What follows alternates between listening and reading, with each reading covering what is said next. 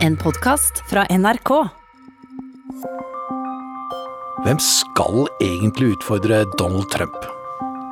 En 78 år gammel revolusjonær? Brothers and sisters, change is coming. Et 38 år gammelt vidunderbarn? America has a place for everyone. Eller en milliardær fra New York som vil ha det litt moro før han dør?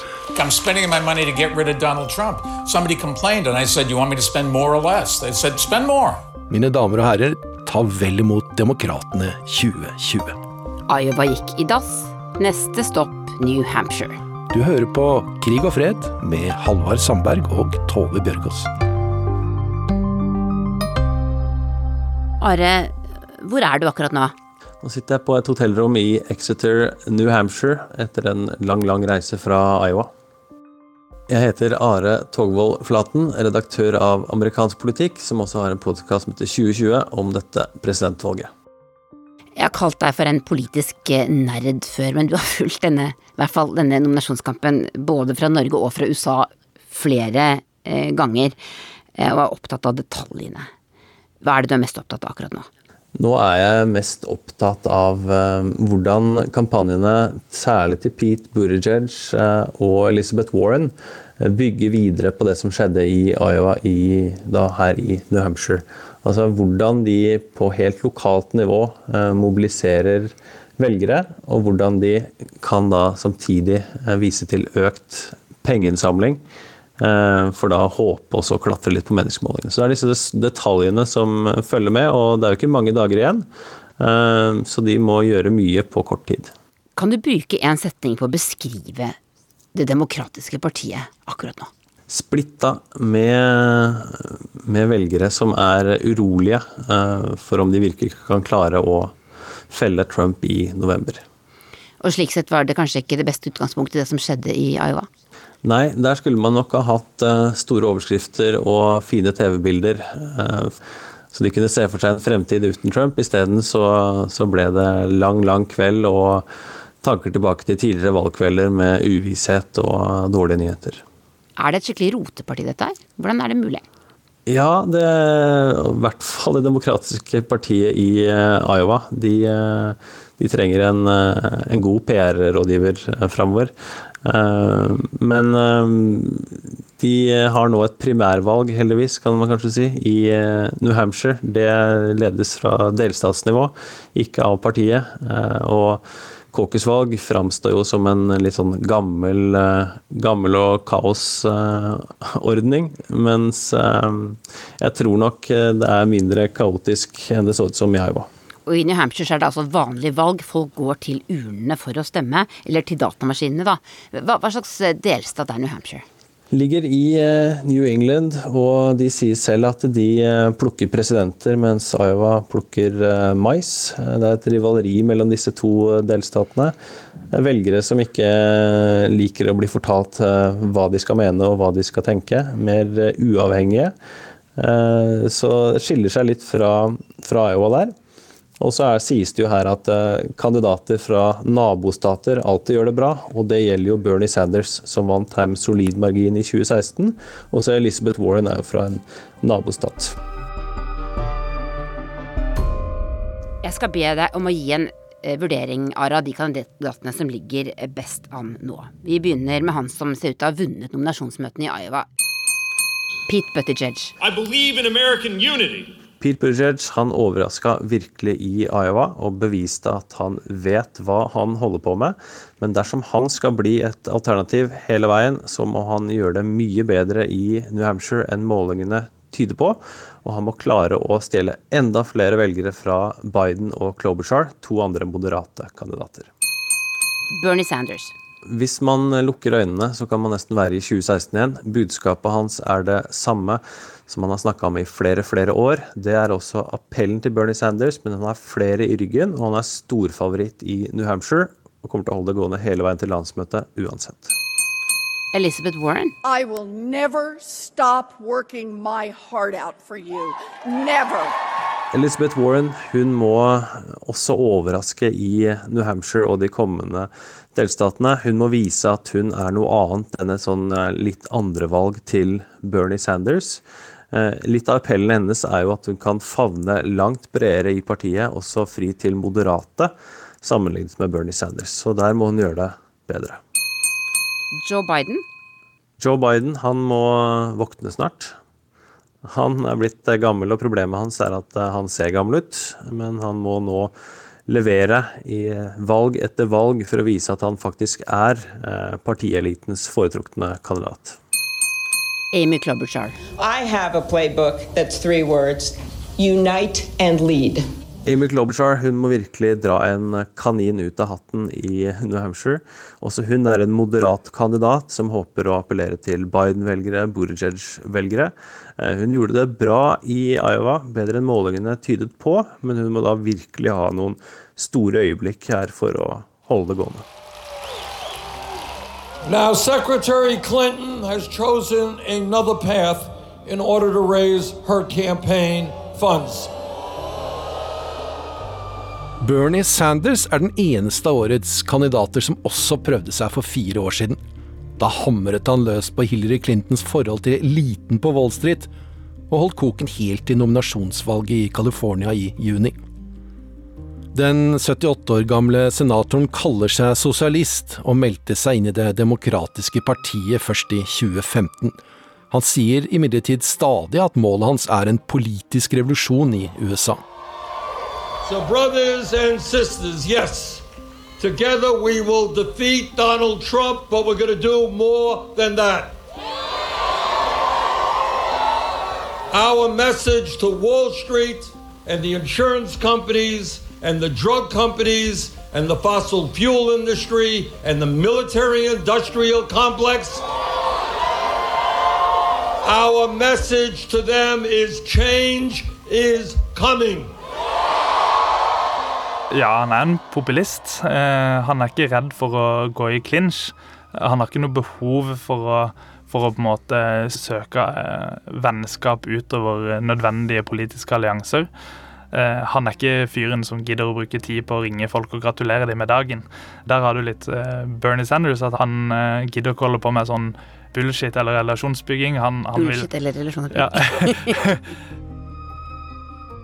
Jeg heter Reidar Strisland, uh, har skrevet boka 'Bernie Sanders og det nye USA' og driver bloggen uh, Jeg jobber som organisasjonssekretær i Rødt. Reidar, er det en slags forbindelse mellom eh, Bernie Sanders sin valgkamp og Rødt i Norge? Vi har hatt litt kontakt gjennom mitt arbeid med, med Bernie-kampanjen. For, for, fire år siden hvor jeg fulgte, fulgte etter han og, og skrev bok, så fikk jeg litt kontaktnettverk der borte. Eh, så noen av de som eh, er sentrale i Sanders-kampanjen nå, de har tidligere vært i Norge og, og, og, hjulpet oss litt. De har lært oss litt opp i sosiale medier, eh, og også lært oss noen triks for hvordan vi skal engasjere frivillige og, og den typen ting som de er veldig, veldig gode på. Det er en slags det er en tekstmeldingsteknologi som Bernie Sanders-kampanjen mm. bruker. Kan du, kan du fortelle litt om det? Ja, det er, en, eh, det er en app som heter ThroughText nå, eh, som, eh, som kan brukes av frivillige til å sende ut tekstmeldinger fra en PC, hvor du sender ut meldinger til 300 mennesker av gangen, men hvor, hvor den blir personliggjort hvor det står 'Hei, Reidar', 'Hei, Tove', eh, osv. Eh, hvor, hvor du kan starte en dialog eh, med velgerne. da. Eh, så, så, den brukes eh, til å oppnå en første kontakt med velgerne. Og så kan man finne ut, eh, hvis de responderer og sier at de ja, jeg vurderer å stemme på Bernie Sanders, så vil de seinere ta kontakt, f.eks. på dør, dørbesøk osv. Men er dette en app hvor du kan på en måte tekste personlig da med velgere, eller er det liksom en datamaskin som tekster med det? Nei, Det er du som gjør det. Så det er, her er det frivillige som sitter og, sitter og tekster. Du får kontakt med en frivillig i Burning-kampanjen som, som, du kan du stille spørsmål mm. til? Ja. Du skal reise bortover du sa nå. Mm. Hva skal du gjøre? Uh, jeg skal følge valgkampen, men jeg skal også være med, med kampanjen og, og, forsøke meg på dørbanking sjøl og uh, ja, kjenne på stemninga. Hva kan du fortelle om den armeen av frivillige som, som Bernie Sanders-kampanjen har bygd opp? Det er jo en, eh, en, helt enorm eh, kampanje. De første uka når Bernie annonserte at han skulle stille på ny, så var det én million som meldte seg som, som frivillige. Eh, og, og, det ser du også nå. Eh, at eh, nå er denne basen organisert. Så du, du, visste det at når de meldte seg, så var det ikke sånn at alle begynte å gå dør til dør dagen etter, men, men du visste at de ville komme når, når, valgkampen ble dratt i gang. Og nå tror jeg det er 1,2 eller 1,3 millioner som, eh, som, er noterte som frivillige. da. Hvem er det som er med i dette frivilligkorpset? Hva slags mennesker er det? Eh, det er alle slags mennesker, men eh, mange av de er jo unge, da. Det er folk som uh, har mye studiegjeld, som uh, må jobbe én eller to jobber på si for å, for å, få livet til å gå rundt, som ofte ikke har råd til et eget sted å bo, hvor de, mange av de er nødt til å bo hos foreldrene sine til de er over 30. Eh, så, så, det er folk som eh, Når de så Bernie Sanders i 2016 og også nå, så, så ser de at det er en som for det første snakker sant. Eh, han, han holder ikke noen for narr, han, han, sier ting som det er. Og også at han har en politikk som gir svar på, på utfordringene i livet deres. da. The people of the United States are sick and tired of a massive level of income and wealth inequality. Uh, hvor langt til venstre vil du si han står, hvis du skulle prøve å sette han inn i et norsk parti? Det er veldig vanskelig å si, fordi eh, Bernie Sanders er pragmatisk. Han er en pragmatiker. Så når han, når han stilte i, i 2016, så Eh, stilte han på et eh, valgprogram som var radikalt i en amerikansk kontekst. Men han pusha ikke grensene lenger enn det han trodde var, var innafor hos befolkninga. Nå har han tatt nye steg til venstre i mange av de programforslagene som han kommer med.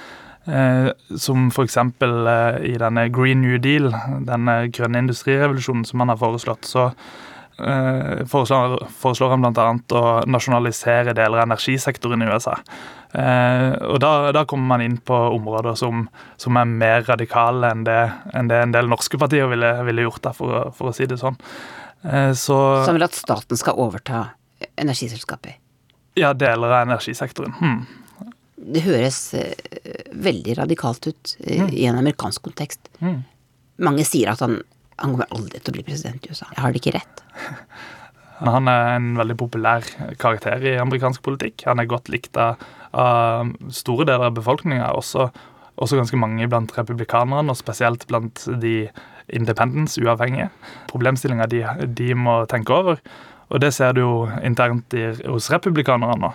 Så var det jo mange anti-Trumpers også i, i toppolitikken, men eh, det snudde fort. Eh, når de skjønte at det strategisk lure for å fortsette sin egen politiske karriere, det var å stå bak presidenten så tror du at Bernie Sanders på en måte kan kapre det demokratiske partiet på samme måte som Trump har kapra det republikanske? Det er i hvert fall mulig. Han, eh, han, har jo fått med seg noen på laget som, eh, som blir regna for å være eh, framtida i Demokratene. Altså, vi får se.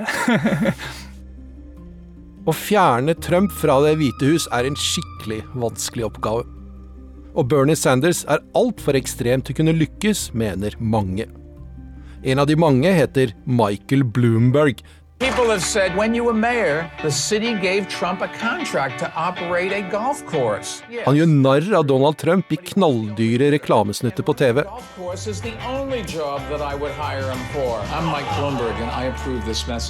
For den steinrike tidligere borgermesteren i New York har brukt mer penger i sin selvfinansierte valgkamp enn alle de andre demokratene til sammen så langt.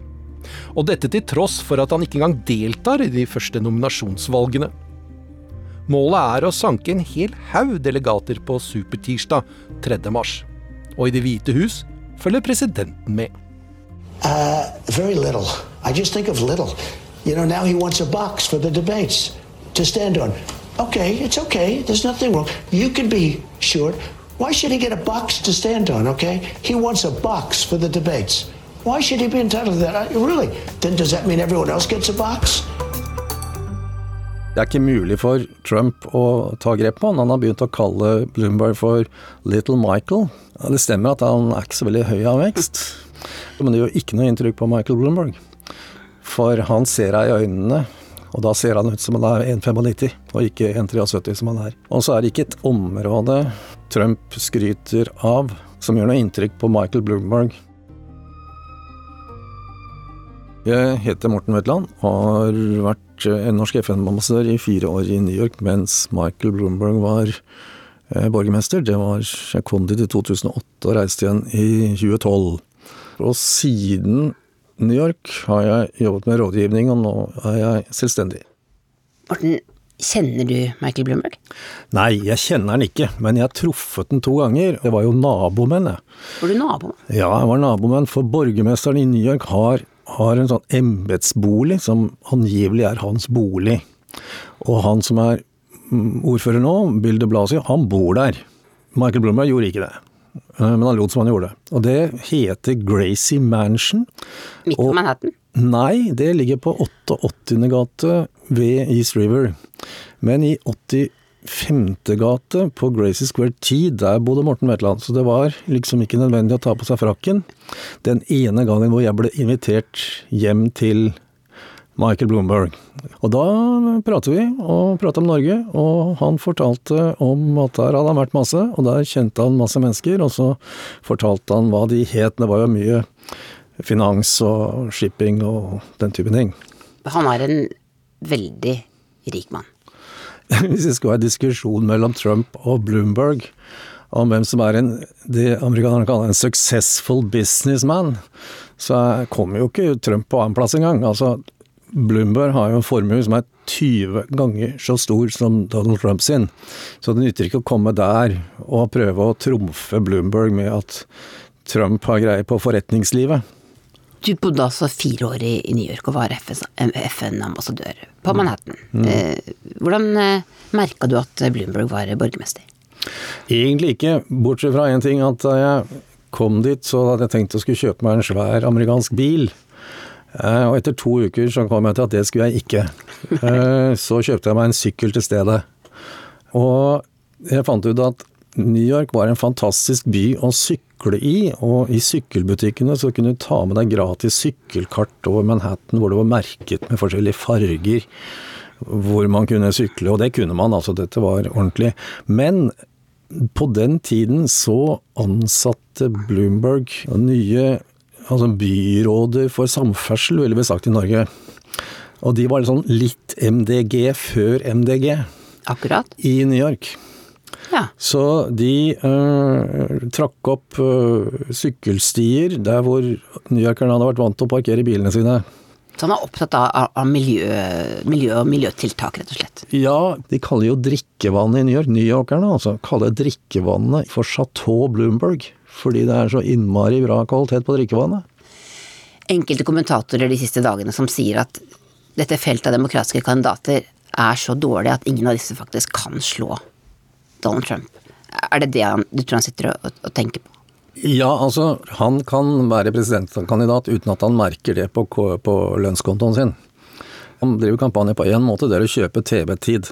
Det har jo vist seg å være veldig effektivt, og det finnes altså institutter som måler hvilke saker du skal sende ut på eteren i den og den delstaten og den og den valgkretsen for å få mest igjen for den investeringen. Så det, det, er, det går an, men om man kan komme helt i mål som liberal New Yorker uten å gå og banke på dører og eh, få møkk under neglene det, Jeg personlig tror det ikke, men eh, jeg håper han prøver.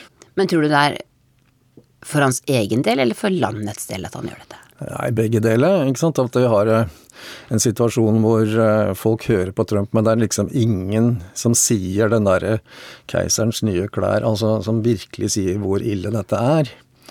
Vi ser jo at eh, Biden har bestemt seg for å drive kampanje på at han har mm, anstendighet. Og så ikke noe annet, liksom. Men at det er en, en kvalitet som i større og større grad er etterspurt. Og Biden er en mann som på en måte inkorporerer anstendighet. Give or take. Alle har jo sine ting i skapet, men, men nok. Og, og, og Bloomberg har en annen type anstendighet. Det er sikkert ikke mulig å tjene 60 milliarder dollar uten at du eh, går over noen lik her og der, men, men stort sett så har han står han for eh, ting som vil stå seg i historisk lys. Men hva slags eh, signal ville det være dersom en milliardær med en selvfinansiert kampanje skulle klare å bli demokratenes presidentkandidat? Jeg tror han er litt i det for sportens skyld, fordi han eh, personlig står så fjernt fra personen Donald Trump at han kan tenke seg å nyte den nytelsen det vil være å påføre Trump et nederlag. Jeg tror det er en viktig driver for ham som person.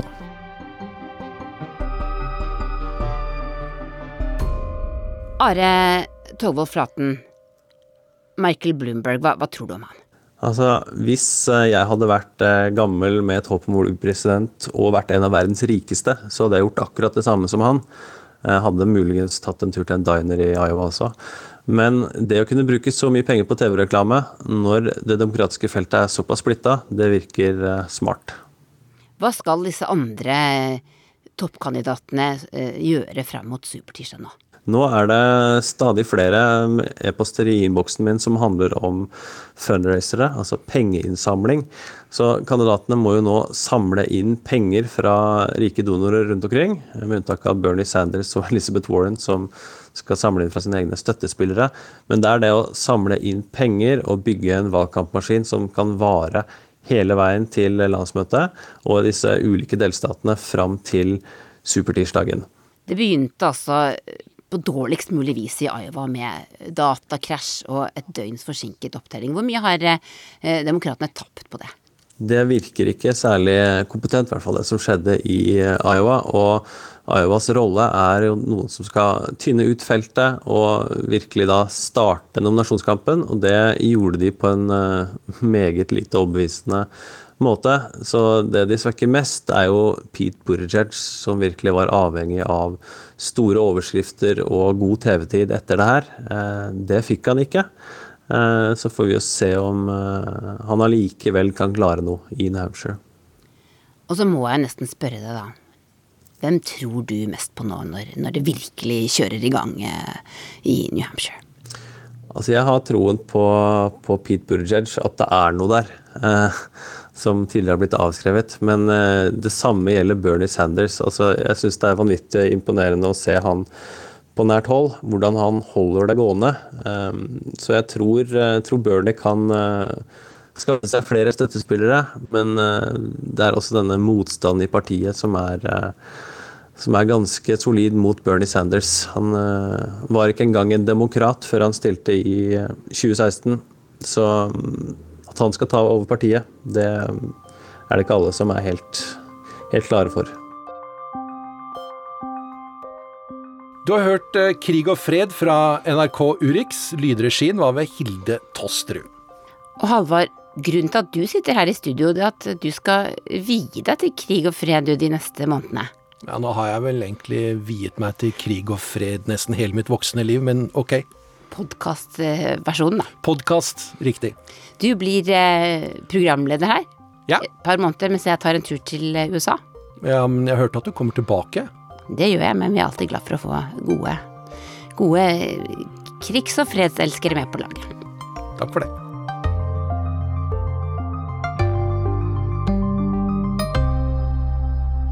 Du har hørt en podkast fra NRK. Hør flere podkaster og din NRK-kanal i appen NRK Radio.